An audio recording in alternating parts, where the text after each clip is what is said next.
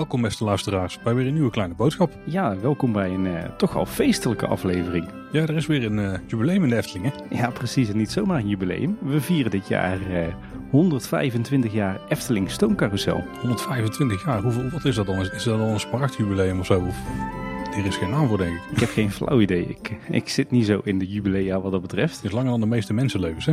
Dat zeker, dat zeker. Nou ja, de meeste, langer dan alle mensenlevens volgens mij. Volgens mij is er nog nooit iemand 125 jaar oud geworden. Sinterklaas. Oh ja, tuurlijk.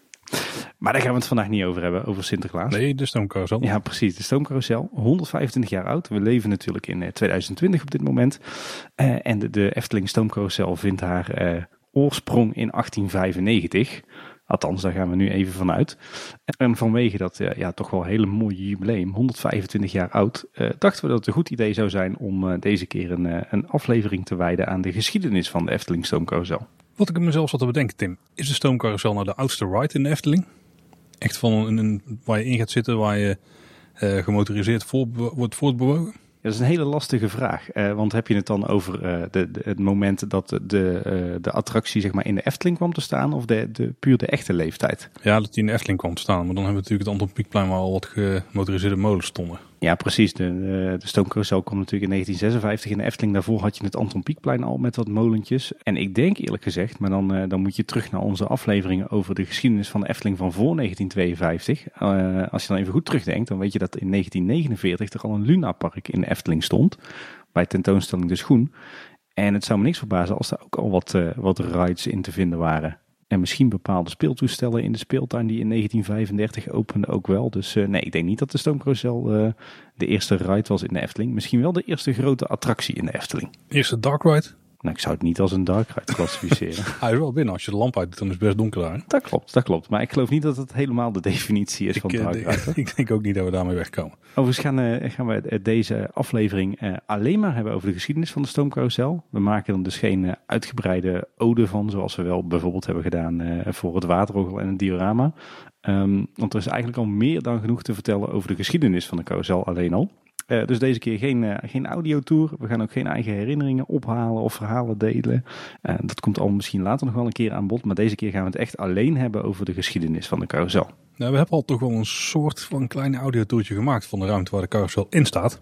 Check daarvoor onze aflevering van 1 april 2019. Ja, inderdaad. Toen uh, keken we naar alle schilderijen van uh, Dries Schiezen rond de carousel, inderdaad. Die, uh, die zal in deze aflevering misschien ook wel voorbij komen. Ja, en je denkt misschien, uh, gaan we het nou echt alleen over de geschiedenis hebben? Uh, ik kan je vertellen, daar valt meer dan genoeg over te vertellen om uh, deze aflevering mee te vullen. Ik heb de afgelopen weken en maanden weer in de boeken gedoken gezeten. en daarbij viel ik van de een in de andere verbazing toch weer. Dus ja, er is meer dan genoeg te vertellen over de geschiedenis van de carousel. En dat gaan we vandaag dus ook uitgebreid doen. Ja, wil je nu meer weten over de geschiedenis van de Efteling? Daar hebben we al een aantal afleveringen over gemaakt. Je refereerde net al even naar Tim. We hebben namelijk een uh, aflevering over de geschiedenis voor 1952 gemaakt. Die bestond uit meerdere delen. We hebben ook meerdere delen gemaakt over niet gerealiseerde projecten. En we hebben ook een rondje park gedaan in 1991 aan de hand van de plattegrond die we toen hadden. En ook in het uh, rondje rondom de Efteling, dus het rondje door de wereld van de Efteling, hebben we ook best wel wat geschiedeniszaken aangehaald. Ja, in onze odes aan het waterorgel en diorama zat ook een flinke portie geschiedenis. Kortom, uh, geschiedenis is wel een, een favoriet onderwerp van ons als podcastmakers. Zullen we eens beginnen Tim, met de geschiedenis van uh, de stoomcarousel? Ja, lijkt me een goed plan. En daarvoor moeten we eigenlijk uh, een heel eind terug in de geschiedenis. Uh, in onze afleveringen over de geschiedenis van Efteling voor 1952 gingen we al terug naar de 14e eeuw. naar het buurtschap Efteling. En in deze aflevering gaan we zelfs nog iets verder terug in de tijd, namelijk naar de 12e eeuw. Waarom gaan we naar de 12e eeuw toe, Tim? Nou, het, de oorsprong van de carousel, of eigenlijk van het woord carousel, uh, ligt in Arabië, in de Arabische wereld. Oh. Uh, want al in de 12e eeuw uh, was er eigenlijk een gewoonte bij Arabische ruiters. Die hadden een sport bedacht. Uh, waarbij ze elkaar, uh, terwijl ze rondreden op paarden in cirkels, uh, een soort ja, bolvormige potjes klei toewierpen. En in die potjes klei daarin zat een, een reukwatertje. En wie aan het eind van het spel het minst naar parfum rook, die, die was de winnaar.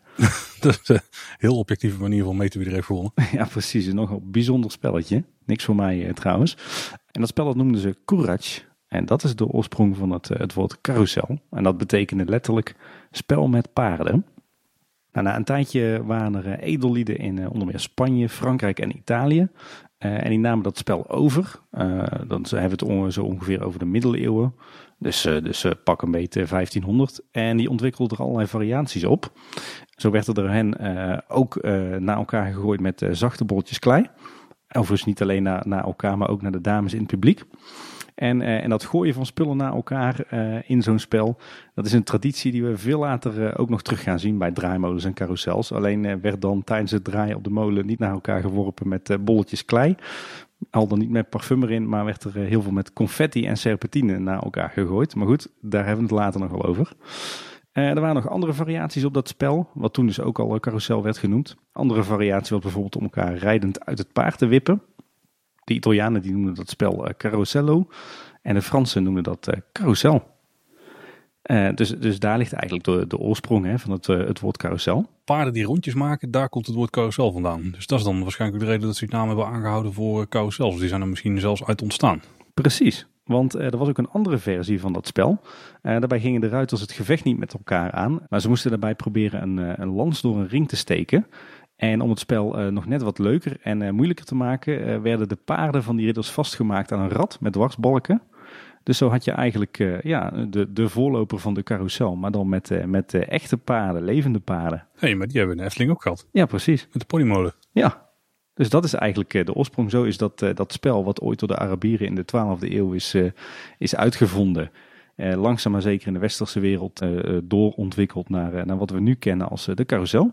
Maar wacht even, is het dan een beetje zo'nzelfde situatie als met animatronics? Dat uh, Walt Disney geen menselijke acteurs wilde hebben heel de dag in zijn attracties. Want die moesten ook pauze hebben en die moesten ook af en toe weg. En dan zag je die mensen afgaan en opkomen. En dat hetzelfde was met paarden. Dat het waarschijnlijk van die carousellen waren met paarden waar je echt op levende paarden zat. Dat op een gegeven moment mensen dachten van, hm, die paarden moeten rusten. Laat ik maar gewoon houten paarden op een schijf zetten. En dan draai ik die schijf aan. Maar dan kan ik nog steeds gewoon geld vragen. Hoef ik geen voer voor die uh, paarden en zo te hebben. Paarden zijn best duur. Zou dat zo'n beetje zijn... Uh, doorontwikkeld.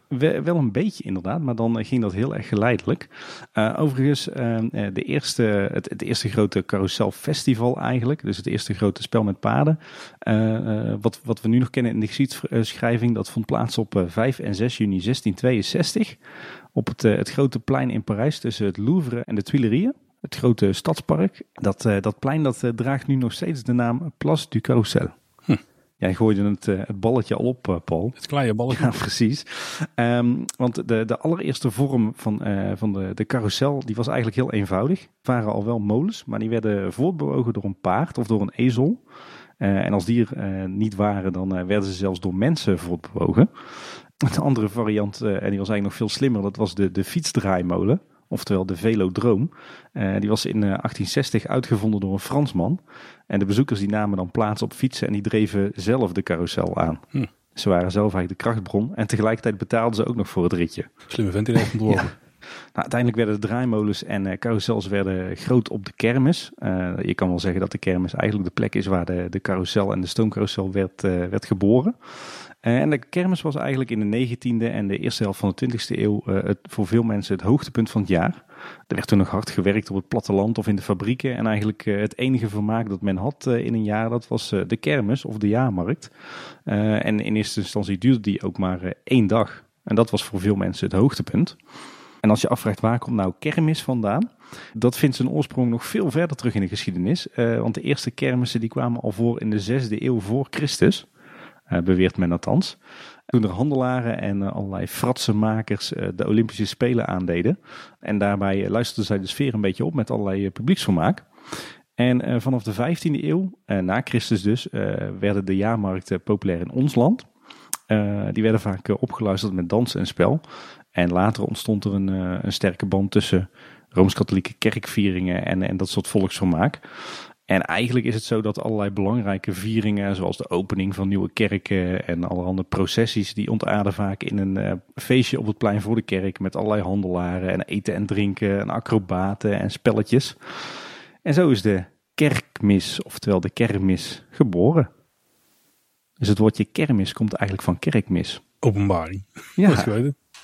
Nou, we hadden het al even over eh, die kleine met de hand aangedreven carousels. Hè? Uh, en langzaam maar zeker maakten die, uh, die, die carousels uh, een ontwikkeling door naar grote mechanische stoomcarousels. En die ontwikkeling die liep eigenlijk een beetje parallel aan de hele technische vooruitgang in die tijd en ook de industriële revolutie. en met name de uitvinding van de stoommachine die speelde een hele belangrijke rol bij het ontstaan van de stoomcarousel. de eerste door stoom aangedreven carousel die verscheen al in 1863 in Engeland. Dat was op zich geen wonder, want het was de Engelsman Frederick Savage die in 1850 een eigen bedrijf begon in de mechanisatie. Uh, en al snel richtte hij zich op uh, de techniek van mechanische kermisattracties. En het was uh, Savage die de firma Keunig in Zwalmen in, in Limburg licentie gaf om zijn stoommachines en draaiwerk dat hij had, had uitgevonden om dat voor de Nederlandse kermismarkt te gaan bouwen. En ik dacht oorspronkelijk uh, dat, uh, dat het die firma Keunig was die uiteindelijk eh, VCOMA is geworden. de Verenigde Keunig Machinefabrieken. Maar dat zit toch, blijkt net iets anders te zitten. Nee, het staat voor de Veldkoning Machinefabriek. VCOMA. Toch net iets anders. Wel uit Limburg ook. De eerste door stoomkracht aangedreven carousel in Nederland, die stamt uit 1880 en die was van de hand van H.F. Rentergem. En uh, de onderdelen voor die stoomcarousel die werden gebouwd bij Wilton Feyenoord in Rotterdam. Dat is een werf die overigens nog steeds bestaat. En die firma Keunig, waar we het net over hadden, die begon in 1887 met het produceren van draaiwerken voor stoomcarousels. Nou, dan hebben we het een beetje gehad over de oorsprong van, van de carousel, van stoomcarousels, van de kermis. En, en dan gaan we langzamerhand beginnen aan de geschiedschrijving van de Efteling stoomcarousel.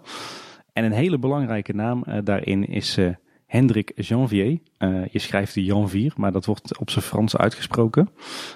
Hendrik Janvier dus, onthoud die naam. Overigens werd hij door Intimi gewoon Henry genoemd, of waarschijnlijk dan ook in het Frans Henri. Maar hij werd in 1868 geboren en hij speelde dus een hele belangrijke rol in de geschiedenis van onze stoomcarousel. Hij wordt ook wel gezien als de stamvader van de familie Janvier en ook een beetje de grondlegger van de traditie van stoomcarousels. de naam Janvier die vindt haar oorsprong in Bergen op Zoom. En de eerste generatie Janviers die heeft zich daar al in 1787 eh, gevestigd. En eigenlijk bleef die familie um, zo'n beetje tot op heden in Bergen op Zoom eh, wonen. En hadden ze daar een vaste woon- en verblijfsplaats. Um, nou, hoe, hoe, kwam Henri Janvier nou terecht in, uh, in die stoomcarousel business? Het was eigenlijk zijn uh, vader, Johannes Wilhelmus Janvier, die toen Henri 12 jaar oud was, en eigenlijk een eerste kermisattractie voor zijn, zijn zoon kocht. Hij was dus 12 toen en hij kreeg toen van zijn vader een, eh, een open draaimolen met houten paarden. En gaf hem de opdracht om met die molen, met paard en wagen, de kermissen en de jaarmarkten af te gaan. En uh, zo te leren om zijn eigen brood te verdienen. En ook een beetje het kermisvak te leren. Tot het verdienen van zijn eigen geld vond ik het best een tof cadeau. Maar het daarna toch iets minder. En, en, en Henry werd eigenlijk een, een grote naam in, in de kermisgeschiedenis. Het werd echt een gewiekste zakenman. Men zei ook wel, hij is voor de duvel niet bang. En hij wordt, wordt eigenlijk nog steeds gezien als de grondlegger van de traditie van stoomcarousels. Overigens had hij dat ook niet van een vreemde, want ook zijn ouders die reisden al met een draaimolen langs de kermissen. Dat was overigens al een beetje een, heel primitieve uh, draaimolen. Nou, in die tijd uh, was de populariteit van de stoomcarousels dus al uh, flink gegroeid. We zeiden net al, de eerste stoomcarousel kwam in 1880 op de Nederlandse markt. Maar je zou kunnen zeggen dat vanaf 1890 tot ongeveer het midden van de 20e eeuw dat stoomcarousels echt domineerden op de kermissen. Het waren vaak de meest indrukwekkende en spectaculaire attracties die, die te vinden waren op die kermissen.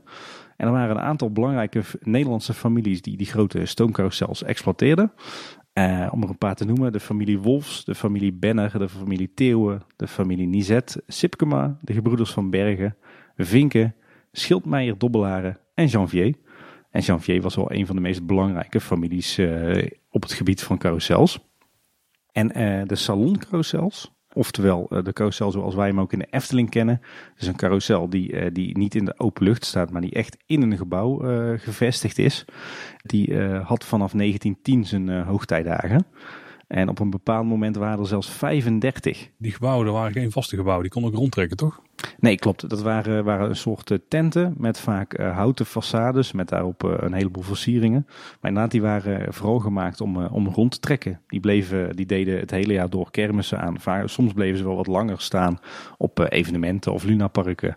Maar over het algemeen werden die na een, na een week of zo weer afgebroken om weer verder te reizen.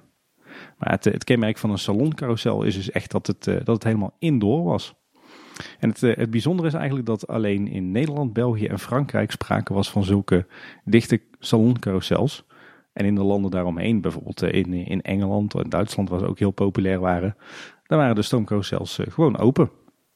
Nou, Henri Janvier die zou uiteindelijk tot 1904 vijf verschillende draaimolens exporteren. waarna hij zich echt volledig richtte op zijn stoomcarousel. Um, overigens kocht hij wel later nog een, een aeroplane carousel aan en een, een heel lunapark. Um, dus ja, hij was echt een, een kermisondernemer die, die met allerhande attracties de, de kermissen in Nederland uh, aandeed. Wat is een aeroplane uh, carousel? Is dat zo'n soort Dumbo-molen? Een vliegtuigjesmolen. Oké. Dat, uh, nu denk je misschien van, hè, hoezo? Maar in die tijd was het, het vliegen en, en vliegtuigjes waren natuurlijk een, een noviteit. dus ja, iedereen wilde in zo'n molen met een, in een vliegtuigje. Nou, de, de Efteling Stoomcarousel, of eigenlijk de Janvier Stoomcarousel zoals die toen heette, die werd uh, tussen 1895, daar heb je het, uh, het, belangrijkste jaartal in deze aflevering, tussen 1895 en 1903 uh, opgebouwd door Henri Janvier. het is niet zo dat hij die kon bestellen bij een leverancier of bij een fabriek. want stoomcarousels groeiden eigenlijk organisch. Die werden gaandeweg altijd steeds verder aangepast en uitgebreid. Uh, en hij gebruikte daarvoor allerlei onderdelen van verschillende makers. Uh, want ja, er was dus niet zoiets als een stoomcarouselfabriek. Is dan in 1895 heeft hij dan ook zijn eerste rondjes gedraaid voor publiek? Want anders kunnen we dat niet zien als het moment dat hij is ontstaan natuurlijk. Nee, klopt. De literatuur die ik heb, uh, heb bemachtigd, die heeft het er echt wel over dat, dat de carousel in 1895 begon met draaien. Maar dat, dat Henri tussen 1895 en 1903 er wel heel intensief aan heeft gewerkt en telkens elementen heeft vervangen en toegevoegd. Hm. Dat bleef hij overigens ook doen in de jaren na 1903 hoor. Dat, dat zien we dadelijk nog wel. Nou, waar, waar bestond die, die stoomcarousel nou uit, de Janvier stoomcarousel? de gevel van de carousel die was afkomstig van een reizende bioscoop. De cinematograaf van Eduard Weidauer. En Henri die kocht die in 1889 aan. Ehm, dus eigenlijk al, al zes jaar voordat hij echt begon aan het, het bouwen van zijn stoomcarousel. En die gevel die werd later opnieuw geschilderd door uh, Andreas oftewel Dries Schiezen. En die zijn we al vaker tegengekomen bij Kleine Boodschap. de 22 paardjes op de molen die zijn gemaakt door Jozef Hübner, een fabrikant van houten carouselpaden uit de buurt van Dresden in Duitsland. En die begon zijn bedrijf eigenlijk pas in 1909. dus de paarden zoals we die nu kennen in de Efteling, die zijn pas na 1909 ergens een keer toegevoegd aan de molen. De koetsen op de molen, vier stuks, die komen van de Gentse beeldhouwer Jules Moulinas. En de twee varkens met de clowns achterop, die zijn gemaakt door Karl Müller. Uh, en dat was een Duitse beeldhouwer die zijn werkplaats had in Molbitz bij Neustadt in Duitsland. De rok van de carousel, dat is zeg maar een beetje die, ja je zou kunnen zeggen, die, die trechter die je ziet als je omhoog kijkt als je op een paard of op een varken zit. die kwam uit het, het atelier van Charles Devaux. En de ronddeelschotten en kolommen, rabatten zijn van de op één na oudste carousel van ons land. Die werd geëxploiteerd door Wolfs. De, de, de verbeeldingen van de gratie en de muze op uh, de kap boven de carousel die zijn van de hand van Andreas Gieze weer. En op de panelen boven in de kap staan, staan gerubijntjes. Dat zijn zeg maar ja, een beetje fantasiefiguurtjes, half mens, half dier. Die uh, oorspronkelijk voor de carousel van de broers van Bergen tekende. Dus die komt ook weer van een andere carousel. Die cherubijntjes die vind je trouwens ook weer terug op uh, de gondels van uh, Moulinas. En die hebben een, een rococo ontwerp. En rococo is zeg maar die, ja, een beetje die kunststroming die, ja, je zou kunnen zeggen, bijzonder kitscherig is. Weet je, dat, dat zigeunersteltje zeg maar. Ook kunnen zeggen, die zien we niet heel veel in een Europapark langskomen bijvoorbeeld. Uh, nou ja, Rococo is van oorsprong Italiaans. Dus misschien dat je in het uh, Italië gedeelte dat je het daar een beetje terugvindt. Uh, de stoommachine die werd door Henri Janvier in 1895 aangekocht. De oorspronkelijke stoomaandrijving daarvan die, is ontworpen door Frederick Savage. En de machine zelf die is gebouwd door de firma Keunig uit Zwalmen. Daar hebben we hem weer. Die stoommachine die ging uiteindelijk in 1944 stuk op de kermis in Drunen. En sinds die tijd draait de, stoomcarousel in de Efteling op een elektrische motor. Maar de stoommachine die staat er natuurlijk nog steeds. De stoommachine ging stuk in 1944. Dat was oorlogstijd. Ja. En hier hebben de Duitsers niks mee te maken. Nee. Nee. Maar, dit, was, dit, maar er waren wel gewoon kermis toen. Daar heb ja. ik nooit bij stilgestaan dat dat zo was. Ik, uh, ik wist dat ook niet, maar uh, dat blijkt. Oké. Okay. Nou, naast die, die grote stoommachine voor de aandrijving van de molen uh, hadden ze ook een kleiner stoomketeltje destijds. die was er vooral voor de aandrijving van het draaiorgel en het opwekken van eh, elektriciteit uh, door middel van uh, dynamo's. Nou denk je misschien, hoezo moest er elektriciteit worden opgewekt? Maar Maar dat was eigenlijk in de beginjaren van de carousel noodzaak, omdat heel veel gemeentes waar eh, de carousel stond helemaal nog geen elektriciteitsvoorzieningen hadden in die tijd. En uh, voor, de, voor stoomcarousels en zeker voor saloncarousels was die verlichting uh, heel belangrijk. Uh, die noemden ze trouwens illuminatie, met een heel mooi woord. Dat doen we in België nog steeds, denk ik. ja, dat zou heel goed kunnen, inderdaad. Zo'n typisch Vlaams woord. Hè? Ja. En dat gaf natuurlijk een heel sfeervol beeld, want die, die verlichting van honderden gloeilampjes, die was er natuurlijk niet alleen om in die overdekte ruimte die de saloncarousel was, om, om die te verlichten. Maar dat was ook een, een attractie op zich natuurlijk. En destijds gebruikten de, de lampjes in de carousel 60.000 watt. Wow. Oké, okay. dan had je een flinke stoomturbine nodig, denk ik. ja. Als je denkt dat je het dan gehad hebt, dan was het ook nog eens zo dat de buitengevel werd uh, verlicht door koolspitslampen. En die werkte op 110 volt, 60 ampère. het was zo dat, dat die stiften van die lampen drie keer per dag moesten worden bijgesteld door een monteur omdat, omdat ze natuurlijk dus langzaam maar zeker verschroeiden en opgebruikt raakten. Dus dan heb je een beetje een idee wat voor een enorme bakken elektriciteit er daar doorheen gejaagd worden. En een leuk detail is dat er later ook een behoorlijk goede handelsrelatie ontstond tussen de familie Janvier en Anton Philips. ja. Die natuurlijk producent was van gloeilampen. Ja, die was groot afnemer. Het draaiwerk eh, van de carousel, dus zeg maar de, de constructie en alles wat nodig was om de bewegingen te maken, die werden ook, werd ook geleverd door de firma Keunig uit Zwalmen. Overigens niet in opdracht van de familie Janvier, maar in opdracht van de Limburgse carouselhouder Vinken. Maar die werd door pech achtervolgd destijds, want zijn carousel ging deels in vlammen op. En daardoor kon hij de rekeningen niet meer betalen van Keunig. En toen kocht, uh, kocht Janvier dat uh, draaiwerk maar voor een, uh, een aardig prijsje. Tot slot het draaiorgel, zoals we dat nu kennen.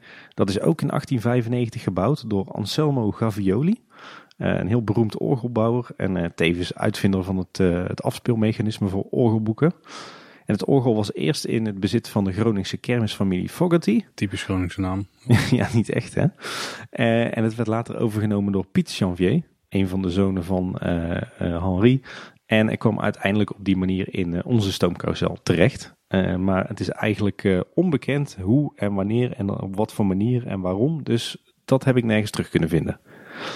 Wel is, is het leuk om te weten dat het nog maar één van de vijf overgebleven Gavioli-orgels is op de wereld. Ik zit me nu af te vragen, er zit zoveel historie in de carousel. Zijn er ook wereldwijde carouselliefhebbers die echt naar de Efteling afreizen om dit allemaal te kunnen aanschouwen? Dat wist ik niet, maar toen ik in de boeken dook en ook op internet begon te zoeken, bleek inderdaad dat er best wel een schare carouselfans is. En, en saloncarousels zijn echt wel een wereld op zich.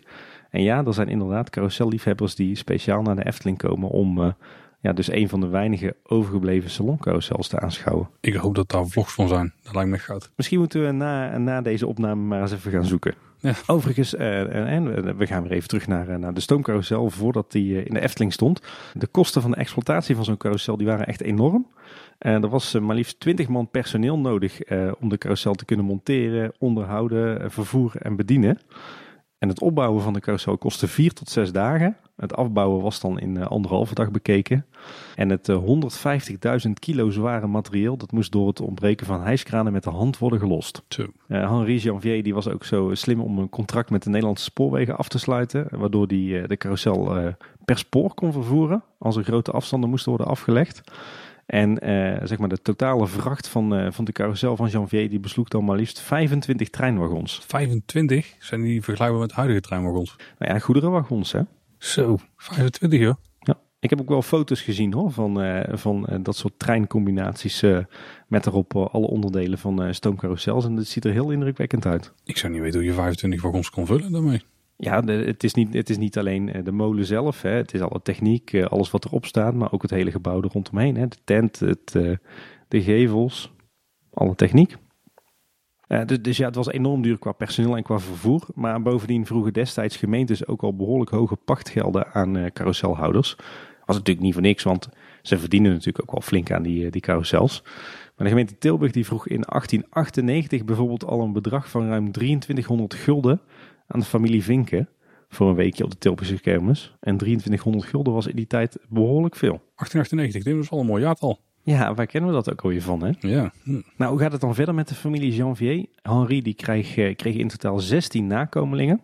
waarvan er helaas vijf al kort na de geboorte overleden. Het was zijn oudste zoon, Johannes Wilhelmus. Ook wel vaak afgekort als JW, Janvier. en zijn roepnaam voor Intimi was eigenlijk gewoon Jan Willem. dat was degene die al snel grootste plannen had. en die had hij niet in zijn eentje, die had hij samen met een goede vriend van hem, Andreas Giezen. Daar hebben we hem weer ja, eigenlijk voordat hij de eigenaar was van de carousel, kon hij daar samen met Dries al avondenlang over, uh, over brainstormen en uh, armchair imagineren, zoals wij dat, uh, dat nu zouden noemen. het grappige was dat Jan Willem en Dries allebei ook een zus hadden. en die waren dan ook vaak bij die avondjes aanwezig. En zo bloeide er eigenlijk een wederzijdse liefde op. Dus uiteindelijk trouwde Jan Willem Janvier met Mietje Giezen. En Dries Giezen, die trouwde met Keetje Janvier. Eh, dus zo eh, eh, werden die families nog verder met elkaar verweven. En de vader van JW, Henri dus, die schonk uiteindelijk zijn stoomcarousel aan JW als huwelijkscadeau, omstreeks 1915. Overigens is het gekke dat, in, dat ik in weer een, een ander boek over stoomcarousels van de hand van Henny van Oers dan weer een ander moment heb gevonden, namelijk 10 januari 1910. Dus er is wat duidelijk, onduidelijkheid over wanneer de stoomcarousel van Henri Janvier nou naar JW Janvier ging. Maar goed, dat uh, nemen we maar even voor lief. Dat was eigenlijk het, uh, het begin van een traditie die nog steeds voortleeft. Waarin de oude Janviers telkens hun kinderen een kermisattractie meegeven als opstapje wanneer ze het, het nest verlaten. Ja, want de Janviers die reizen nog steeds om met kermisattracties. Ja, inderdaad. Het is nog steeds een kermisfamilie. Uh, overigens niet meer alleen onder de naam uh, Janvier, want door allerlei huwelijken uh, zijn er ook andere achternamen in de hele familie terechtgekomen. Maar het is nog steeds een, een kermisfamilie die met attracties op, op de kermissen staat. En we komen die later in dit verhaal ook nog wel even tegen. Nou, we hadden het net al even over Andreas, oftewel Dries Giezen. Hij was decorateur uh, en eigenlijk veel meer dan dat hoor. Maar was onder andere dus uh, schilder. En hij schilderde de façade van de carousel opnieuw. Uh, en ook de 32 panelen die we nog steeds vinden in de salon van het, het carousel. En wil je daar nou meer over weten? Of over Dries zelf? Dan moet je echt aflevering 83 luisteren van Kleine Boodschap. waarin we dus uitgebreid een rondje langs zijn 32 schilderijen in de stoomcarousel lopen. Nou, JW die, eh, die, die eh, heeft eigenlijk ook ontzettend veel succes als eh, kermisondernemer, net als zijn vader. hij maakte behoorlijk wat winst met zijn stoomcarousel. En dat investeert hij dan weer in de aankoop van allerlei andere attracties. En uiteindelijk schenkt hij in 1919 zijn stoomcarousel aan zijn broer Laurens als, als huwelijkscadeau. waarna dat hij zelf een, een andere carousel koopt, de Noblesse. Die, die later in een nogal rampzalige brand werd verwoest. Maar goed, daar zullen we het later nog wel even over hebben. Uh, je weet, die zit uh, ondertussen net als zijn vader ook niet stil. Uh, want gedurende zijn leven koopt hij carousels van de familie Vinken, van Anton en Laurens Benner, van Van Bergen, van Hubert Wolfs en ook van heel veel andere kermisfamilie. En ook van heel veel andere kermisfamilies. 14 carousels in totaal. En na aankoop dan selecteren hij en drie schiezen eigenlijk telkens samen wat er van te gebruiken is.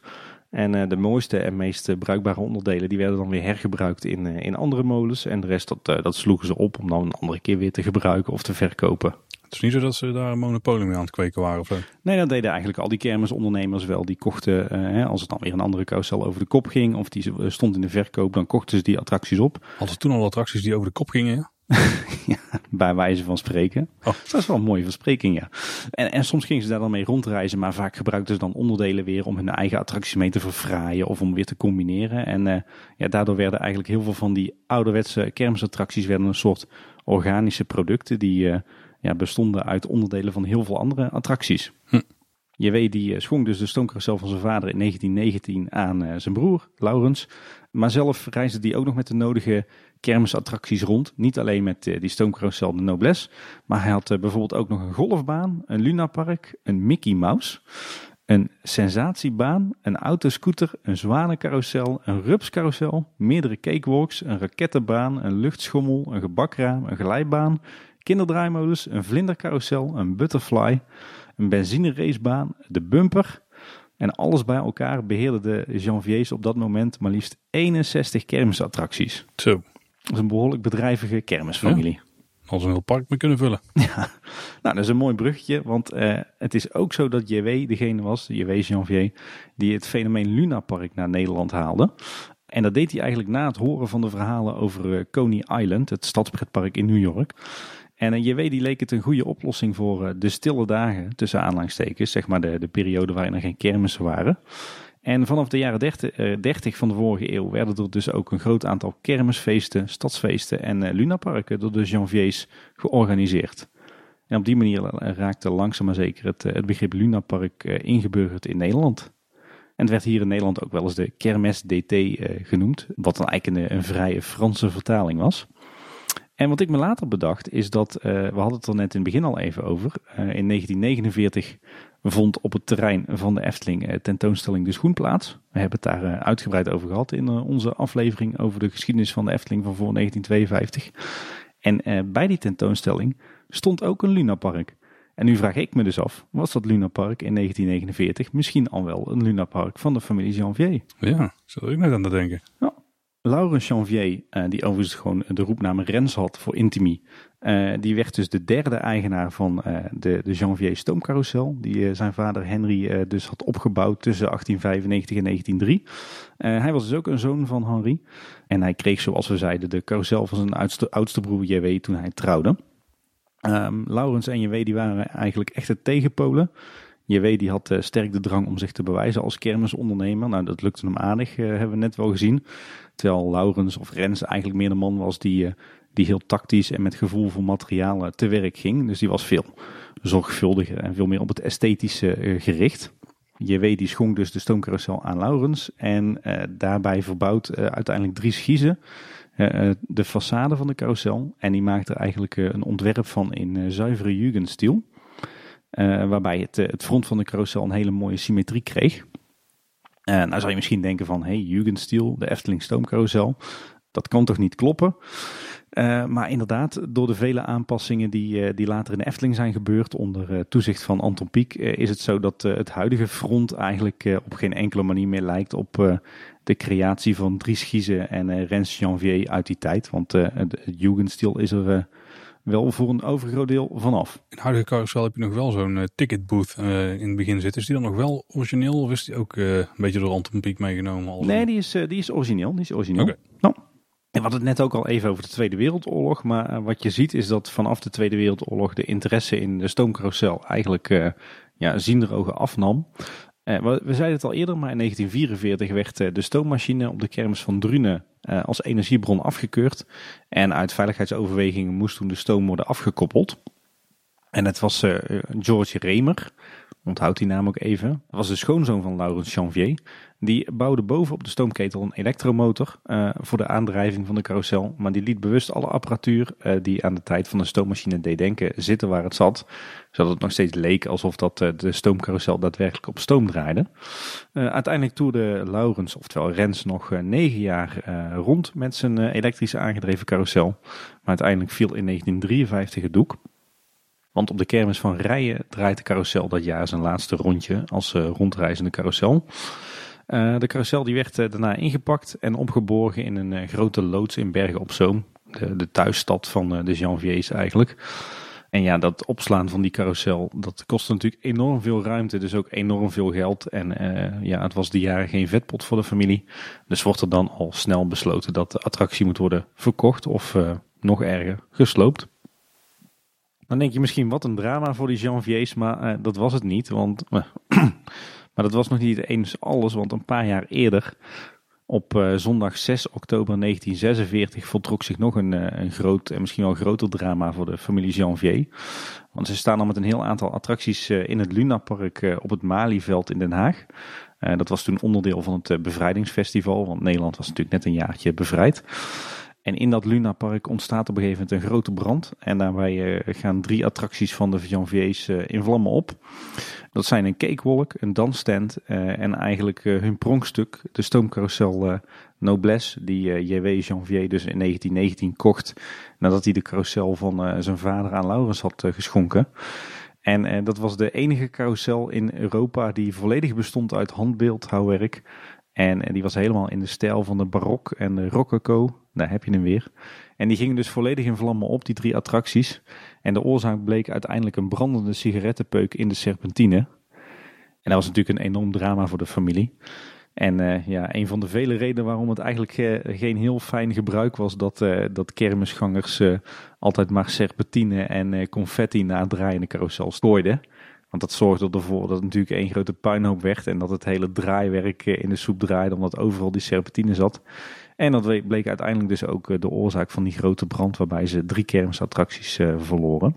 Maar goed, we gaan weer even terug naar, naar de stoomcarousel van Henri Janvier, die dus vanaf 1953 uh, opgeslagen staat in een loods in Bergen op Zoom. op een gegeven moment dient de Efteling zich aan als koper.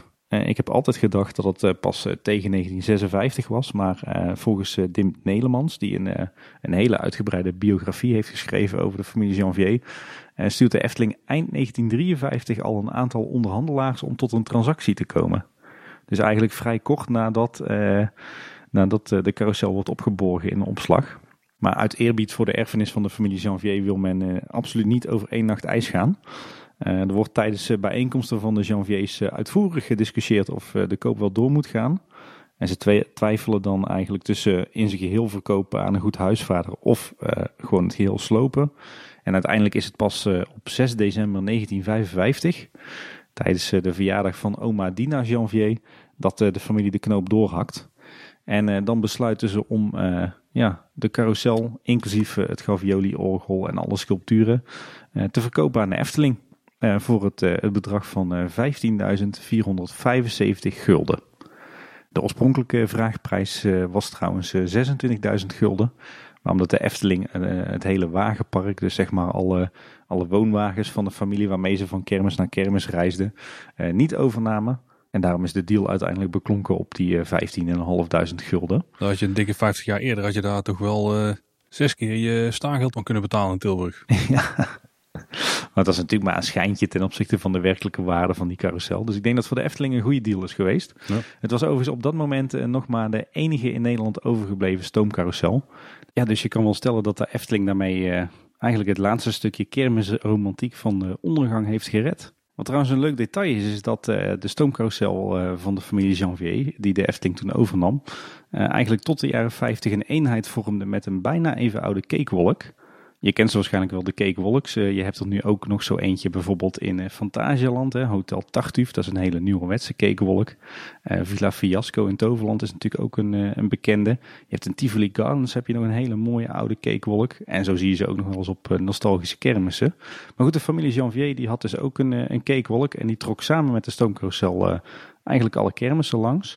En het leuke is dus dat de cakewalk, die dus samen met de stoomcarousel van de familie Janvier rondtrok over de kermissen, dat die inmiddels nog steeds langs de kermissen trekt. En die is ondertussen 100 jaar oud. En die is onder meer ieder jaar te zien op de nostalgische kermis in Tilburg. Hm. En recent had, uh, had Omroep Brabant nog een, een interview met Chris Remer. ondanks dat de naam anders doet vermoeden, ook een, een afstammeling van de familie Janvier. En uh, die uh, onthulde dat daarin, dat uh, de cakewolk op de nostalgische kermis in Tilburg, dus de cakewolk is die eigenlijk bij de Efteling Stoomcarousel hoort. Het grappige is trouwens, en dan begeven we ons een klein beetje op glad ijs, dat, dat de herkomst van de naam cakewolk, dat die in de huidige tijd best wel wat wenkbrauwen zal, zal doen fronsen. Want uit onderzoek blijkt dat de naam cakewolk uit de Verenigde Staten komt. En daar kregen, uh, kregen Afro-Amerikaanse mensen, als ze een, uh, een, raar dansje deden, een stukje cake. Dus vandaar de naam cakewalk, want uh, in een cakewalk kan je bijna niet normaal lopen. Dus daar komt de naam cakewalk vandaan. Ik denk dat dat toch in de huidige tijd voor wat protest zou kunnen zorgen. Ja. Maar goed, terug naar onze stoomcarousel, naar de Efteling stoomcarousel. En nu komen we aan op een heel bijzonder moment. Want Paul, uh, alles wat ik tot nu toe verteld heb, is uh, de geschiedenis van de Efteling Stoomcarousel. Zoals we die teruglezen in uh, de officiële geschiedschrijving van de Efteling. En dat, zo zien we dat in de Chroniek van een Sprookje, zo lezen we het op Eftepedia. En zo staat het ook opgetekend in het boek Mam, ik wil het paard. wat zeker een must-have is voor mensen die wat hebben met de Efteling Stoomcarousel. Maar nu ontstaat er eigenlijk een probleem. Want uh, Henny van Oers, ik heb de naam al, uh, al eerder genoemd. Uh, hij is een, een stoomcarouselkenner en liefhebber. En hij heeft ook een boek geschreven over stoomcarousels. Die zegt dus dat dit verhaal pertinent niet klopt. Oké. Want de, hij zegt dat de carousel die in de Efteling staat, de molen van Wiebe Vinken is. die via J.W. Janvier bij Laurens Janvier terecht kwam. Terwijl de carousel van vader Henry Janvier, die dus, waarvan dus wordt beweerd dat hij nu in de Efteling staat, die zou uiteindelijk in uh, losse onderdelen zijn verkocht in de jaren 50. Oké, okay. en hoe zouden we kunnen checken welke nou echt waar is? Ja, dat, ik, ik, ik heb me daarin uh, vastgebeten nadat ik daar achter kwam. Ik denk, hé, hey, dit is een bijzonder verhaal. Um, dus ik heb het onderzoek gedaan. Nou, hoe, hoe zit dit nou precies? Um, J.W. Janvier en uh, zijn vrouw uh, Maria Johanna Giese, die namen inderdaad in 1910 uh, de stoomcarousel van Wiebe Vinken uit Roermond over. Zeer waarschijnlijk werd die aankoop overigens financieel gesteund door Henri Janvier. En die carousel die werd al snel vergroot en uitgebouwd met allerlei onderdelen van de carousel van A.M. Peters Vinken. Vervolgens kocht J.W. Janvier in 1923 uh, de carousel van de weduwe Nizet uit Roermond en verkocht de carousel van Vinken aan zijn broer Laurens. beide carousels, dus zowel van Vinken als van Nizet, die werden in de winter daarna fors verbouwd, onder toeziend ook van Dries Giezen weer, waarbij het, het oude front vervangen werd door het front van de reizende bioscoop van Weidauer, die hebben we al eerder gehoord, en de controle met kassa van de carousel van Anto Nizet, die werd toegevoegd. En het verhaal is dat uh, een van die stoomcarousels, die van Vinken of die van de weduwe Nizet, vervolgens samen met die, die van de familie Janvier over de kermissen reisde en, en naast de carousel werd opgesteld. Nou, toen dacht ik van, nou, nou weet ik eigenlijk nog niet helemaal hoe het zit. laten we dan nog eens verder de geschiedenis induiken. Hoe zit het dan met die carousel van die Wiebe Vinken, die nu dan in de Efteling zou staan in plaats van de carousel van Henri Janvier? Nou, die carousel die vindt zijn oorsprong zelfs al in 1891, dus die is eigenlijk nog veel ouder. Uh, en die werd geëxploiteerd door, uh, door de broer van Wiebe, door Gerard Vinken, onder de naam Grand Cirque Machinal. Mm. Dat is weer uh, net iets anders dan Grand Cirque Balancé. Waar kennen we die dan ja, van? Hè? Maar ja. toch een onbewust verwijzingje. Al aangezien dit niet de officiële lezing volgens Efteling is. Nee, precies. Maar de, zo zit de geschiedenis, zit alles aan elkaar verknoopt. En vermoedelijk is de, de eigenlijke oorsprong van die carousel nog veel ouder. En is hij ooit gebouwd als een montagne russe. En, en wat is een montagne russe nou? Uh, dat was de Franse naam voor een switchback. Uh, een type carousel dat in 1887 door Savage werd ontworpen. Het, was als het ware een soort van stalen achtbaan. Een achtbaan is een groot woord hoor. Je zou kunnen zeggen een stalen baantje. Die in Nederland vaak indoor was. Met gondels, boten of galopperende paardjes op, op de rails. Um, en het doet mij een beetje denken aan de steeplechase in Coney Island. Of de, de, de kleinschalige uh, moderne variant die we kennen. Hè, die, uh, die, die racebaantjes met die paardjes erop die je vaak op kermissen vindt. En die je bijvoorbeeld ook in Toverland hebt. De paarden van Ithaca. En jij hebt ze waarschijnlijk ook wel gezien Paul in, in in, in Helsinki. Mm -hmm. Van die standaard paardenbaantjes weet je wel. Ja, ja. Dat, dat is een beetje, zeg maar, de voorloper van was de Montagne Rus. En de naam Montagne Rus, uh, want zo duiken we steeds verder de geschiedenis in. Die was dan weer afkomstig van uh, een, een, vroege voorloper van wat wij uiteindelijk als achtbaan kennen. en die werd in 1817 al in Parijs in gebruik genomen. En was geïnspireerd op de glijbanen van ijs in Rusland in de 15e eeuw. Vandaar Montagne Rus, Russische berg. Ja, we hebben in onze achtbaanaflevering over gehad hè? Ja, precies. Uh, nou goed, uh, dus de oorsprong van die carousel van Wiebe Vinken uit 1891 was dus een montagne Rus. Uh, maar destijds kwam er een verbod vanuit de regering op de exploitatie van dergelijke attracties. Waarschijnlijk vanwege de, veiligheidsrisico's. En werd die omgebouwd naar carousel. En dat gebeurde toen de tijd wel vaker. Maar daardoor week de constructie van die carousel af van de standaardconstructie van de normale stoomcarousel in die tijd. Um, want hier was het zo dat de stoommachine de kap aandreef. Uh, en de kap vervolgens de molen aandreef. En uh, die carousel van Vinken was trouwens ook een van de eerste molens die binnenverlichting had. Nou, nu wordt het uh, een beetje een vaag verhaal, want in 1919 werd die carousel vervolgens overgenomen door de zoon van wie, namelijk door Louis Vinken. terwijl eerder wordt vermeld dat de carousel al in 1910 is verkocht aan J.W. Janvier. Dus hoe het nou precies zit, welke carousel nou aan wie wordt verkocht en wanneer, dat, dat blijft een beetje vaag in de verschillende boeken die ik uh, heb bestudeerd. Overigens wordt wel nog ergens vermeld dat uh, deze carousel in 1925 een nieuwe front kreeg van uh, de familie De Vos of De Vaux uit Gent. En die komen we ook weer tegen in de geschiedschrijving van de Efteling. Maar is het ook niet belangrijk om nou eens te kijken van wat wordt er bedoeld met de carousel? Want we hebben al eerder gehoord dat ze heel vaak uh, zaken bij elkaar raadt. Dus dat ze uh, de, de figuren van de ene carousel afhaalden, weer een andere aankochten. Daar misschien de, de zitjes van afhaalden. Daar werd de kap misschien weer ergens anders van afgehaald, uh, vandaan gehaald. Dan hebben we natuurlijk nog de tent in het interieur van wat er omheen staat, dus het salon. Zouden ze misschien niet alleen het aandrijfmechanisme bedoelen in dit geval? Of zeg maar het plateau waarop alles staat? Of? Nou ja, ik denk dat je daar voor een deel wel de spijker op zijn kop slaat. Dat dat wel verklaart waarom de geschiedschrijving zo, zo vaag en zo tegenstrijdig is. Want er is geen twijfel over waar bijvoorbeeld de figuren vandaan komen. Voor zover ik kan lezen, niet inderdaad. Maar goed, de, hè, in principe die, die producenten en die kunstenaars maakten natuurlijk ook weer voor meerdere families en molens uh, ja, ja. paardjes. Nou goed, dat is dus het, de lezing van Henny van Oers, uh, stoomcarouselkenner. Een ander verhaal dan het verhaal wat de Efteling uh, eigenlijk al decennia vertelt. Maar toen heb ik er uh, de, nog eens de biografie van Dim Nelemans bijgepakt over de familie Janvier. Ik denk, nou dan moet die maar uitsluitsel bieden. En volgens Dim Nelemans is de stoomcarousel die nu in de Efteling staat uh, inderdaad niet de carousel van Henri Janvier uit 1895, maar in werkelijkheid de eerste carousel die JW zelf kocht, nadat hij de stoomcarousel die, die hij bij zijn huwelijk had gekregen van zijn vader, die hij aan zijn broer Rens heeft verkocht. Oh. en dat zou dan de molen van Antonie zijn.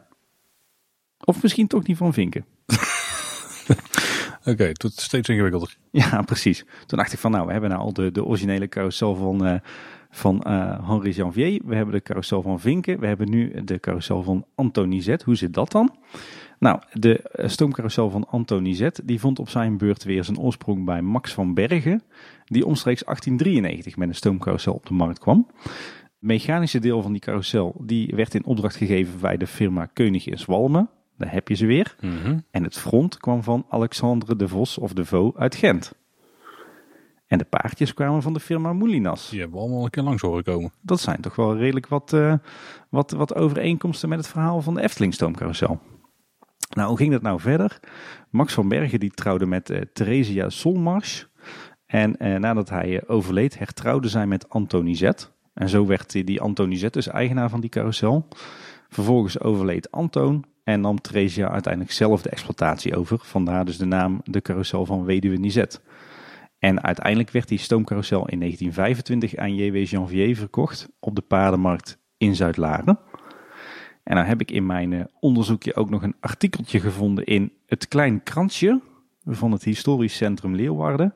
En die spreekt er weer over dat de stoomcarousel die nu in de Efteling te vinden is, inderdaad de oude stoomcarousel van Nizet zou zijn. Uh, maar die zou volgens uh, het schrijven in, uh, in dat historische blaadje pas in 1950 verkocht zijn. Nadat enkele mensen uit Zuid-Laren tevergeefs hadden geprobeerd de carousel aan de praat te houden. En bovendien schrijft het artikel dat de Efteling elementen uit de stoomcarousel van Janvier, die in 1946 afbrandden op het Malieveld in Den Haag, de noblesse dus, dat die werden toegevoegd aan de carousel van Nizet. Ingewikkeld. Dus, heel ingewikkeld inderdaad. Even een, uh, een kort resume. Um, ja, na, ja, je kan wel stellen dat ik de afgelopen weken uh, in behoorlijk wat boeken en websites gedoken ben. En uh, ondanks dat uitgebreide literatuuronderzoek is eigenlijk nog heel veel onduidelijk over de geschiedenis van de Efteling Stoomcarousel. Het is wel vrij zeker dat de stoomcarousel die nu in de Efteling staat dus niet de originele stoomcarousel van Henri Janvier is die hij tussen 1895 en 1903 opbouwde. Want dat wordt eigenlijk bevestigd door drie onafhankelijke bronnen, die dus volledig los van elkaar staan en, en vaak ook door experts zijn geschreven. Maar dat is dus strijdig met het verhaal zoals dat eigenlijk al decennia lang door de Efteling is beweerd in allerhande publicaties. En zoals we dat bijvoorbeeld ook nu op Eftepedia terugvinden. Die carousel van uh, Henri Janvier, uh, die zou uiteindelijk via de zoon JW bij uh, Laurens terechtkomen als huwelijkscadeau. Maar die is naar verluid in de jaren 50 in onderdelen verkocht. Waarbij de Efteling wel enkele onderdelen aangekocht zou hebben. Dus die onderdelen van die originele carousel van Henri Janvier, die zouden we nu misschien dus nog wel terug kunnen vinden in de huidige molen. Maar dan blijft de vraag staan van welke carousel staat dan nu wel in de Efteling? Ja, en daar verschillen toch de verschillende bronnen heel erg uh, van mening over. Is het nou die van, de, van uh, Vinken of is dat die van de weduwe Nizet? En als je de verschillende bronnen naast elkaar legt, dan lijkt de carousel van Vinken uh, het meest plausibele verhaal. Die werd dus in 1910 door JW aangekocht en vervolgens in 1923 aan zijn broer Laurens verkocht. Toen JW zelf de molen van de weduwe Nizet kocht. En de carousel van Vinken, die nu dus hoogstwaarschijnlijk de Efteling Stoomcarousel is, die stamt dus niet uit 1895, maar al uit 1891. En begon zijn carrière als Grand Cirque Machinal en was daarvoor een uh, montagne rus. Zo. Overigens sluit dat verhaal dan ook weer een klein beetje aan bij de vertelling van de Efteling. Namelijk uh, dat het draaiwerk van de carousel van Vinken afkomstig zou zijn. Maar goed, uh, hoe dat verhaal dan precies zit, daar, daar verschillen de bronnen dus over van mening. Al met al, een bijzonder verhaal. Maar het verhaal zoals dat aan ons verteld wordt, dat lijkt niet het juiste te zijn. Toch wel bijzonder, ja. Maar ik denk dat je wel op verschillende manieren kunt zeggen dat, dat er wel een stukje waarheid in al die verhalen zit. Maar net afhankelijk van hetgene waar je op focust. Ja. Want waarschijnlijk zijn er dus van al die carousels zijn er dus wel stukjes nu in de Efteling aanwezig. Precies. Rondom de stoomcarousel. Maar ja, wat is dan precies de carousel hè? Ja, is het, is het dan inderdaad een samenraapsel van die drie carousels? Of, of is de basis dan toch die carousel van Vinken? Ja, wie zal het zeggen? Ja. De Efteling heeft er op zich wel een handje van om een beetje te sjoemelen met uh, nou, openingsdatums of wat we in dit geval dan noemen creatiedatums. Ze hadden ja. nog een paar jaar af kunnen snoepen dat het een paar jaar geleden al uh, 125 jaar was, was geweest. Daar lijkt het nu wel op. Hè? Ik bedoel, we hebben in onze Ode aan het Waterorgel ook al, zijn we ook al te weten gekomen dat het verhaal van dat Afrikaanse stamhoofd waar het Waterorgel van afkomstig zou zijn, dat dat totale onzin bleek. En ja, misschien dat we nu door uh, eigenlijk puur en alleen uh, wat uitgebreide literatuurstudie eruit zijn gekomen dat ook de, de herkomst van de Efteling Stoomcarousel gewoon niet klopt. Zou het misschien zo zijn geweest dat de familie Janvier het wel onder die vlag heeft verkocht, zeg maar, met die uh, papieren noem het maar zo even. Dat er een soort geschiedenisdocumentje was en dat de Efteling die gewoon heeft aangehouden. Want ja, dat is toch hetgene waar ze op af moeten gaan. Dat zou ook kunnen, ja. Dat het misschien vanuit de Janviers een klein beetje geschiedsvervalsing of romantisering is geweest. Maar uiteindelijk, Tim, kwam de carousel in de Efteling terecht. Ja. Uh, wanneer die nou ook gebouwd zou mogen zijn. Ja. Hoe ging het toen verder? Ja, want ook dat verhaal is nog wel heel bijzonder hoor. Uh, nou, de laatste tocht die de carousel van de Janviers uh, ooit zou maken, die was van Bergen op Zoom naar Kaatsheuvel. En eenmaal in de Efteling aangekomen werd de carousel opgebouwd door Laurens, door zijn schoonzoon Chris Remer en door tien personeel. Op een stukje terrein dat voorheen een hockeyveld was, vlak bij de ingang van het Sprookjesbos en het theehuis, waar op dat moment ook de grote speeltuin uh, bij te vinden was. Uh, en over die, uh, die laatste tocht, daar is een heel mooi verhaaltje over geschreven door de katholieke illustratie. en daar wil ik toch wat zinnetjes uit voorlezen. de katholieke illustratie van 9 juni 1956. Tractoren sleepten een lange reeks wagentjes op zonderlinge lage wieltjes en beladen met geheimzinnige verhulde objecten over de weg. Niemand begreep zo dadelijk het doel van het schouwspel tot daar plotseling een stoet van fraai getuigde, gezadelde, maar onbereden paarden verscheen. Driespan na driespan galoppeerde voorbij, een indrukwekkende vrijheidsduur, door onzichtbare hand geleid. Achter de droompaarden bewogen zich karossen, niet rijdend, maar golvend en deinend als sprookjeskoetsen. De zonderling verdwaald in de stoet hobbelde een varken mee, amechtig de tong uit de bek en met verschrikt gespitste oren. Dan kan je wel inbeelden hoe dat eruit moet hebben gezien, toch? Ja, heel goed, ja. Nou, de Efteling Stoomcarousel die opende op 11 mei 1956 voor publiek. Uh, de familie Janvier die werd natuurlijk door de Efteling uitgenodigd voor de opening. Maar uh, Laurens die uh, antwoordde namens de familie. als u mij een plezier wilt doen, moet u mij niet uitnodigen. Ik wil desnoods dagen en nachten voor u proef draaien, maar naar de officiële opening kom ik niet. Ik zou het niet aan kunnen zien. En uh, gek genoeg kon Laurens Janvier eigenlijk het toch niet helemaal loslaten. Want uh, uit verschillende bronnen weten we dat Rens jarenlang een keer of zes per jaar naar zijn carousel kwam kijken in de Efteling. Nou, in eerste instantie werd, werd de carousel ehm, onveranderd opgebouwd in dezelfde vorm als hoe Janvier er eigenlijk jarenlang mee rondreisde over de kermissen. Ehm, maar de attractie die werd door de Efteling gerenoveerd. Die eerste renovatie die duurde tot 1957. En aan het eind van het jaar koopt de Efteling ook nog diverse onderdelen van uh, de laatst nog rondreizende saloncarousel van Nederland.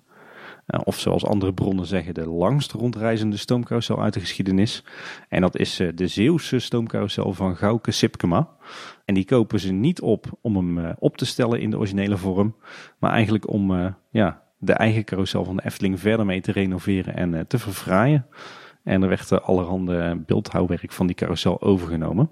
Dus aan de ene kant misschien jammer, hè, want daarmee hebben ze de Zeeuwse stoomcarousel van Gauke Sipkema uh, eigenlijk uh, om zeep geholpen. Maar aan de andere kant, uh, ze deden eigenlijk hetzelfde als al die carousel-exploitanten. Namelijk gewoon andermans molens opkopen en daar weer onderdelen van hergebruiken. In 1957 werd er verder een grote schuilloods achter de carousel gebouwd. Met een, een rolschaatsbaan erin op dat moment. Uh, we weten inmiddels, uh, en jullie ook trouwens, dat daar later eerst het waterorgel en daarna het uh, diorama in werd gebouwd. Maar goed, op dat moment was het dus nog een schuilloods en een rolschaatsbaan. de carousel die had op dat moment eigenlijk alleen een zaal aan de linkerzijde met een buffetgedeelte en de bar die daar nog altijd staat. de zaal aan de rechterkant, of de salon moeten we dan eigenlijk zeggen, die was er destijds nog niet. maar de omloop rond de molen, die was er al wel vanaf het begin, evenals het hokje van de kassa. Die kwam dus van de weduwe Nizet, uh, weet de aandachtige luisteraar inmiddels. En achter de bar bevond zich een magazijntje en er was een tweede magazijn aan de rechterkant van de kassa. Nou, Anton Pieck was eigenlijk degene die zich bleef bezighouden met uh, de stoomcarousel. En die bracht uh, flink wat wijzigingen aan. zo werd vrij snel daarna de publieksruimte vergroot met een kolommengalerij met vierkante kolommen en voetstukken.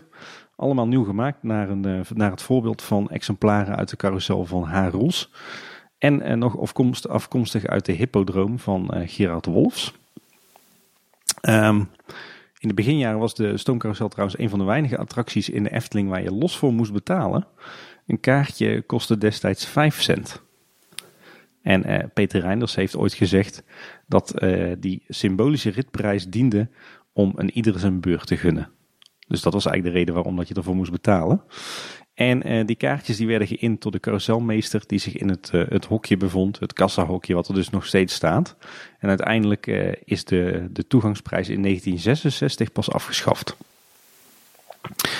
Nou, dus de Efteling bleef er eigenlijk aan sleutelen, want begin jaren 60, of volgens de lezing van Henny van Oers in 1958 al, voegde Anton Pieck de vrouwenfiguur boven de ingang toe. je kent er misschien wel. Uh, die ooit uh, de gevels sierde van uh, de bioscoop van Anton Benner Theeuwen. Het Palais Lumineux, oftewel het, het Kristallen Paleis. En de paardjes uit de molen van Weduwe Schildmeijer.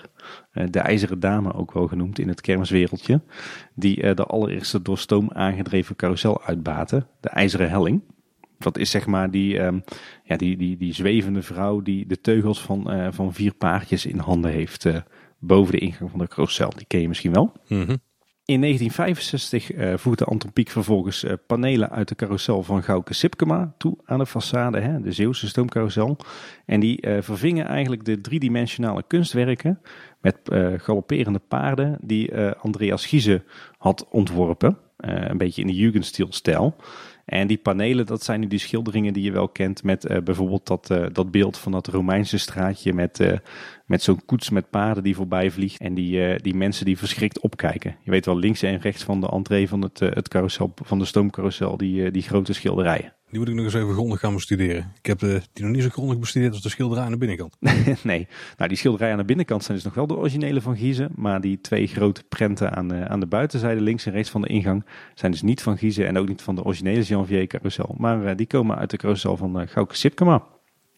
Uh, overigens is het zo dat de wijzigingen die Piek in de loop der jaren aan de carousel heeft doorgevoerd, hem nou niet bepaald door veel kenners en liefhebbers in dank werden afgenomen. Laurens Janvier die was het destijds trouwens ook niet eens met het feit dat Piek heel veel van de originele kleuren veranderde. En Dim Nelemans, de, de biografe van de familie Janvier, die schrijft daar ook wat over. Die zegt bijvoorbeeld, deze carousel bezat slechts een enkel stuk diepgestoken driedimensionaal houtsnijwerk. En dit kleine beetje werd ook nog door de huidige eigenaar verwijderd. Het werd vervangen door polyesterkopieën van de originele. De kolommenrabatten, de meander onder de carousel, de engelen en de muzen werden vernieuwd, tussen aanhalingstekens. De wanddecoraties van Dries Giezen hangen er verlept en onverzorgd bij en zullen over enige tijd vergaan zijn. Nou, daar denk ik dat Dim Nelemans toch iets te negatief is, want volgens mij is lang niet al het, uh, het beeldhouwwerk in uh, de Efteling stoomcarousel vervangen door polyester. En volgens mij uh, zien de schilderingen van Dries Gies er nog redelijk uit. Zijn er überhaupt polyester elementen? Eh, dat is een goede vraag. Dat durf ik eigenlijk niet te zeggen. Voor mijn gevoel zal het toch nog steeds van hout? Of zou het misschien tijdelijk zijn geweest? Nou goed, en ik snap, de, als, je, als je inderdaad ziet wat er in de loop der jaren allemaal gewijzigd is, dan is het zeker ook niet meer het origineel. Aan de andere kant, we weten ook nog steeds niet wat nou precies het origineel is. dus in is hoeverre is het dan erg dat de Efteling er al die jaren ook nog flink aan heeft geklust? Dat kan je jezelf natuurlijk ook uh, afvragen. Um, wat overigens wel leuk is, wat ik ook niet wist, maar waar ik ook achter kwam door het lezen van verschillende andere boeken over de stoomcarousel, is dat in de jaren 50 en mogelijk zelfs ook nog in begin jaren 60 de stoomcarousel iedere winter werd afgebroken en uh, in, het, uh, in de Efteling in loodsen werd opgeslagen. Oh, is op zich wel logisch, want als het toen nog die klassieke salon was met een tent, ja. dan snap ik wel dat je die niet heel de winter wil laten staan. Nee. Ja, en waarschijnlijk is dus, dus uh, ergens in de jaren 60 men daarmee gestopt. Uh, toen werd het, uh, tent zelf verwijderd en kreeg het, het carouselcomplex een vast gebouw en een vast dak. Nou, begin jaren 70 veranderde het aanzicht flink. want toen werd de Waterorgelfoyer en het Carouseltheater aan weerszijden toegevoegd. de Waterorgelfoyer in 1971, omdat het toen moest verhuizen uit de voormalige schuilloods. En waar het toen nog in zat, omdat daar het diorama werd gebouwd. En in 1972 werd aan de rechterzijde natuurlijk het, het Victoriaans Theater toegevoegd, wat we nu kennen als Carouseltheater. En uh, beide toevoegingen werden uh, ontworpen door Anton Pieck. Um, daarbij werden werd er trouwens ook wat wijzigingen weer doorgevoerd aan de façade van het carouselcomplex. zo werden er vrouwfiguren met bloemenkransen toegevoegd aan de gevel. En die waren afkomstig van de saloncarousels van Sipkema en Vinken. En vanaf dat moment uh, staat het gebouw bekend als het Carouselpaleis. En de Egyptische prinsessen, zoals ze blijkbaar worden genoemd, dat zijn die, die vrij grote dames in die bordeaux-rode jurken die uh, aan de buitenzijde tegen de gevel aanstaan. Die, uh, daarvan weten we in ieder geval dat die afkomstig zijn van de carousel van uh, Sipkema. Nou ja, je kan eigenlijk wel stellen dat, dat sinds begin jaren 70 dat het Carouselpaleis binnen en buiten de vorm heeft zoals we het nu kennen. En sindsdien heeft de carousel uh, uh, nog enkele flinke renovaties gehad. Uh, zo kregen in 1987 uh, alle draaimolens in het park een grote renovatie. Waarbij ook meteen van de gelegenheid gebruik werd gemaakt om geluidsopnames te maken van de draaiorgels voor de CD die toen uitkwam. En de meest recente grote renovatie die vond plaats in het voorjaar van 2014. En toen werden alle paarden, koetsen, het houtwerk en de schilderingen uh, met gevoel voor de originele uitstraling gerenoveerd. En werden zaken als hekwerk en opstapjes vervangen. Uh, ook om te voldoen aan uh, de nieuwe veiligheidseisen. En helaas werden toen de tijd ook de gloeilampen vervangen door LED-verlichting. Waarbij veel van de warmte van de oorspronkelijke verlichting verloren is gegaan. Nou goed, daar hebben we het bij Kleine Boodschap vaak genoeg over. En ik denk dat er tegenwoordig genoeg alternatieven bestaan om het op een meer passende, warmere manier uh, te verlichten. Maar goed, dat is een, een wens voor de toekomst. Inmiddels wel, ja. ja. En ja, het is, het is wachten denk ik op, op een nieuwe grote renovatie, restauratie. Want je ziet dat, dat zeker de buitengevels, dat die wel een behoorlijke opknapbeurt kunnen gebruiken. Ja, die worden af en toe wel eens aangepakt in delen, maar dan is het echt al heel erg schandalig als we daar aan beginnen. Ja, nou ja, ik weet het in 2014 bijvoorbeeld, en volgens mij ook tien jaar eerder, dat ze dan echt de hele gevel van links naar rechts, element voor element uh, verwijderen, uh, afvoeren naar het, uh, het gildehuis en daar helemaal kaal schuren, repareren, opvullen, gronden, opnieuw schilderen en decoreren, terughangen en dan weer een paar vakken daarnaast weghalen en weer afvoeren naar het gildehuis. En zo'n grootschalige restauratie, ja, dat zou natuurlijk wel mooi zijn. Overigens zijn we dan dus aan het einde gekomen van uh, de geschiedenis van de Efteling Stoomcarousel. Ja, daar zat een paar uh, vertakkingen in. En ja. Misschien we samenkwamen, misschien ook niet. Ja, precies. Uh, maar misschien dat het ook wel weer, weer mooi is. Hè? Dat houdt de geschiedenis van de carousel toch een beetje een mysterie. Ja, dat is beter dan polyester. Ja, precies. Het, het laat in ieder geval zien dat, dat, dat het een fascinerend gebouw is en een fascinerende molen. Ik denk dat dat wel duidelijk is, toch? Ja, zeker. Ja. ja.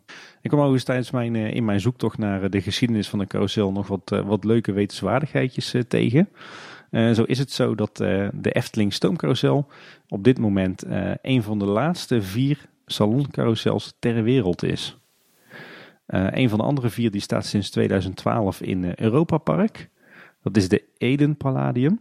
Hmm. En als ik het, het goed heb, dan staan de andere twee in Canada en Japan. Oh, oké. En ik weet dat in mijn tijd, toen ik er werkte, dat was 2005, dat er toen werd gezegd dat het, uh, het carouselcomplex dat het, het, uh, het duurst verzekerde gebouw van de hele Efteling was. Juist vanwege die historie en vanwege al die kunstschatten. Oké, je bent wel benieuwd wat je ermee gaat doen als dan... Uh, stel het gebouw brandt af, dan krijg je dus een flinke zak geld. Wat ga je dan doen? Een carousel uit Japan terughalen of zo? Of, ja. je, kunt ja, niet, je kunt niet echt iets vervangends kopen. Nee, misschien ga je dan helemaal nabootsen met nieuwe materialen. Ja, Uh, overigens is het zo dat, uh, dat de carousel ook uh, heel veel verschillende namen heeft gehad in de loop der jaren. Nog even los van de vraag dus welke carousel het nu eigenlijk is. Maar het is zo in de tijd dat, dat Laurens Janvier met de carousel rondreisde, dat er toen een stoomcarousel op, het, op de gevel stond. Met 1 R en dubbel S. Dus zeg maar precies omgekeerd ten opzichte van wat eigenlijk goed is. Um, toen de carousel in de Efteling kwam te staan, toen werd dat veranderd naar L. Janvier Stoomcarousel. Eh, een verwijzing naar de, de voorlaatste eigenaar. En later werd dat uh, gewijzigd naar de Efteling Stoomcarousel. En, en, tegenwoordig staat er Carousel Paleis op de voorgevel. Um, wat natuurlijk ermee te maken heeft dat uiteindelijk het hele complex uh, verschillende functies kreeg. voor de volledigheid in de Efteling was het altijd met de juiste spellingen. Ja, inderdaad. Wat niet per se een vanzelfsprekendheid is in de Efteling. Het was aan elkaar geschreven ook, daar viel ik niet tegen. Nee, precies. Uh, de salon trouwens, dus zeg maar de, de, de terrasruimte rond de molen, die is 115 vierkante meter groot. En, en de carousel die draait rechtsom, zoals alle grote saloncarousels. En dat is in tegenstelling tot eh, de meeste normale eenvoudige draaimolens, want die draaien allemaal linksom. Zit daar nog iets van een historisch uh, verhaal achter of zo? Niet dat ik weet. Misschien heeft het met de aandrijving te maken. Ja, maar dat is een kwestie van je motor ja. anders monteren of een... Ja. Geen idee, misschien was het een traditie of zo. Hm. Um, en ik vond het nog een mooie beschrijving van de werking van het geheel. Heeft dan niet per se iets met uh, de historie te maken, maar toch. Um, want hoe werkt nou de Efteling stoomcarousel? Hoe is die nou opgebouwd? Nou, het, het platform van de molen, dus zeg maar uh, het gedeelte wat, uh, wat ronddraait, dat is opgebouwd uit twaalf individuele wagens. Elke wagen is rechthoekig en herbergt de techniek van de paarden of de koetsen die erop zijn gemonteerd. Uh, op de kop van die wagens, dus zeg maar aan de buitenkant, daar zitten gedecoreerde panelen die de techniek aan het zicht onttrekken. En de driehoekige ruimte tussen die wagens, wat je natuurlijk overhoudt uh, omdat het uh, in een cirkel, omdat het een cirkel is, die is opgevuld met een, een houten vloer. En bij die tussenruimte zitten de traptredes waar de bezoekers mee op de molen kunnen klimmen. Um, de gespaakte wielen, dus zeg maar de wielen die op het loopvlak lopen, die zitten vast aan een nokkenas waarmee uh, de draaiing van de wielen wordt omgezet in een sinusbeweging, die uiteindelijk leidt tot het uh, galopperen van de paarden en het schommelen van de koetsen. En ik weet uit mijn tijd uh, dat dat ook gebeurde met excentrieken, een mooi woord, wat zeg maar twee, twee cirkels zijn eigenlijk, twee, twee cirkelvormige schijven, die, die niet precies recht ten opzichte van elkaar zijn geplaatst, maar net iets uit het midden, vandaar mm excentriek. En als die gaan draaien, dan krijg je dus die typisch galopperende beweging. Ja, ja, ja. Vandaar de naam excentrieke en vandaar die, eh, die galopperende beweging. Dus zo werkt de carousel een beetje. Ja, en de Efteling heeft een aantal jaar geleden ook een, uh, een theatershow gebaseerd op de carousel. Of in ieder geval, die was inspiratie voor de show. Dat gaat natuurlijk over Caro. En we hebben begrepen van René Merkelbach dat als je goed luistert naar de muziek van de show, dat je dan geluiden kunt horen die zijn opgenomen onder de stoomcarousel. Hij heeft dan met zijn recordertje ondergelegen om daar eh, geluiden op te nemen van de carousel zelf. Klopt, ja. Toen ben ik toch wel benieuwd. Je bent een stukje over de techniek eh, uitgelegd. Want jij hebt ook bij de stoomcarousel gewerkt. Minder daar, ja, dat minder. Ja, sorry. misschien kun je toch kort wel vertellen van hoe werkt het dan, zeg maar, met, met het opstarten, misschien een stukje onderhoud daarvan? Ik heb er maar uh, één jaar gewerkt, 2005 was dat, dus het is alweer even geleden. Dus van wat ik nu ga vertellen weet ik ook niet of dat nog steeds zo werkt. Maar in mijn tijd was het zo, ik, ik werkte toen uh, gewoon uh, als fulltimer op het park. destijds bij de Stoomcarousel in Sprookjesbos. En uh, ja, jouw belangrijkste taak was dan natuurlijk uh, om tijdens de openingstijden op de molen te staan. En dat was op zichzelf heel leuk om te doen. Uh, vooral natuurlijk dat, dat contact met de gasten. maar wat eigenlijk nog veel leuker was, was al het werk eromheen. want toen de tijd mocht je als parkmedewerker ook best wel wat doen aan onderhoud. Dat noemden ze toen eerste lijns onderhoud. En, en voor het deel waren dat er wat simpelere werkzaamheden. Hè. Als het dan wat rustiger was, dan ging je spiegeltjes poetsen, lampjes vervangen, eh, het koper poetsen, weet je wel. Dan, dan voelde je het stiekem toch al wel een beetje eh, alsof je een telg was van de familie Janvier die eh, honderd jaar geleden op die molen stond te werken. Zeker als je dan je overalletje van de Efteling aantrok en je ging met zo'n oliesnuit, ging je de stoommachine smeren en uh, de paarden smeren en zo. En het leuke was, ik kreeg toen uh, vrij snel, uh, toen ik fulltimer was, uh, opstartcursussen voor een aantal attracties. Wat eigenlijk dan, dan betekent dat je s ochtends vroeg een aantal attracties kunt nalopen of alles nog goed werkt en veilig is. en da daarbij leer je ook, ook wat onderhoud plegen. En ik kreeg een smeercursus. En zodoende was ik toen eigenlijk samen met twee collega's uit de parkexploitatie eigenlijk de, degene die, die ook nog eens wekelijks en maandelijks de carousel moesten smeren. En dat was toch wel een, eh, een avontuur. Want in het midden van eh, de carousel heb je een soort van kelder liggen, de, de smeerput. Daar zit de, de, de elektromotor in en eh, de verdere aandrijving en de, de tandwielkasten en zo. en, en één keer per week moest je dan een simpele smeerbeurt doen. Dan kregen alle paardjes en koetsen kregen gewoon wat olie erbij, die je dan met zo'n oliesnuit in verschillende onderdelen moest spuiten. En één keer per maand had je dan de grote smeerbeurt. En dan ging je dus echt eh, met, eh, met de vetspuit eh, ging je de, de lagers van de wielen smeren. En je ging de tandkrans van de molen moest je inspuiten met olie. En de leren band van de, van de stoommachine die, die moest weer worden ingespoten met een ander middeltje. Dus dan was je echt, zag je van top tot teen zwart.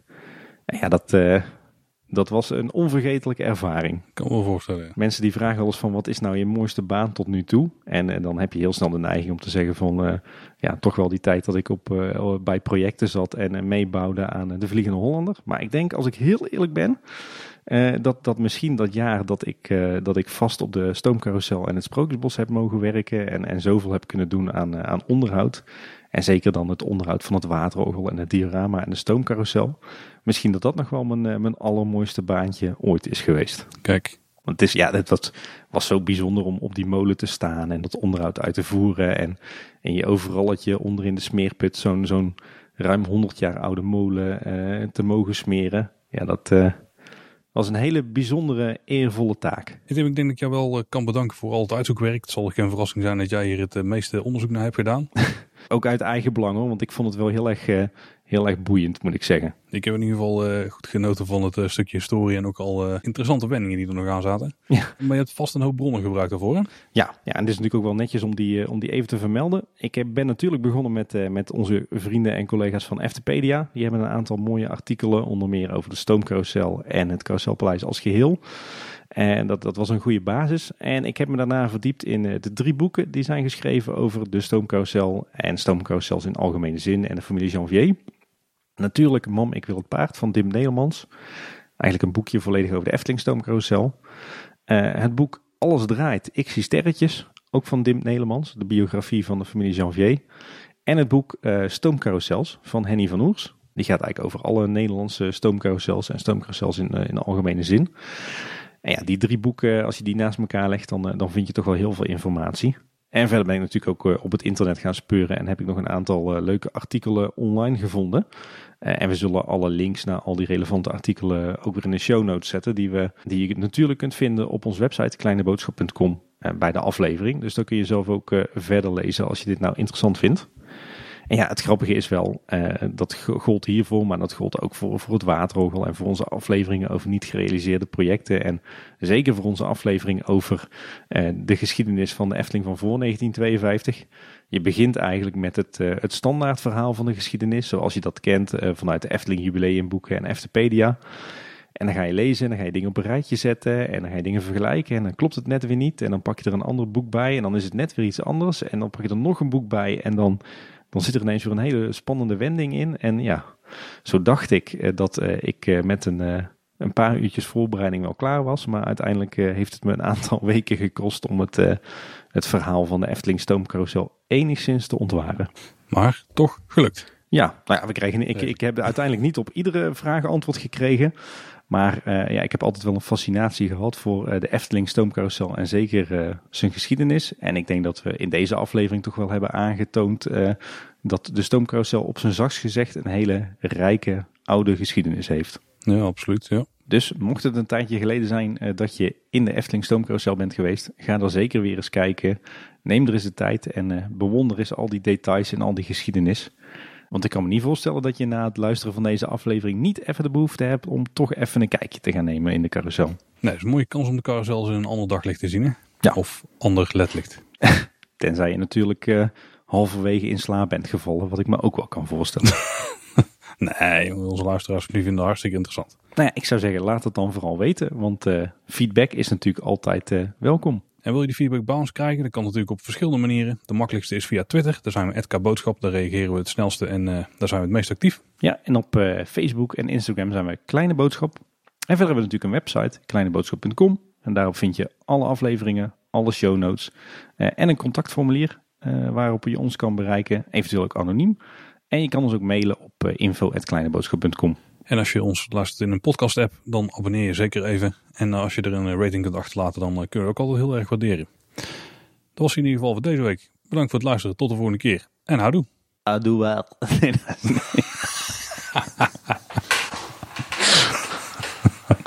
Houdoe waar.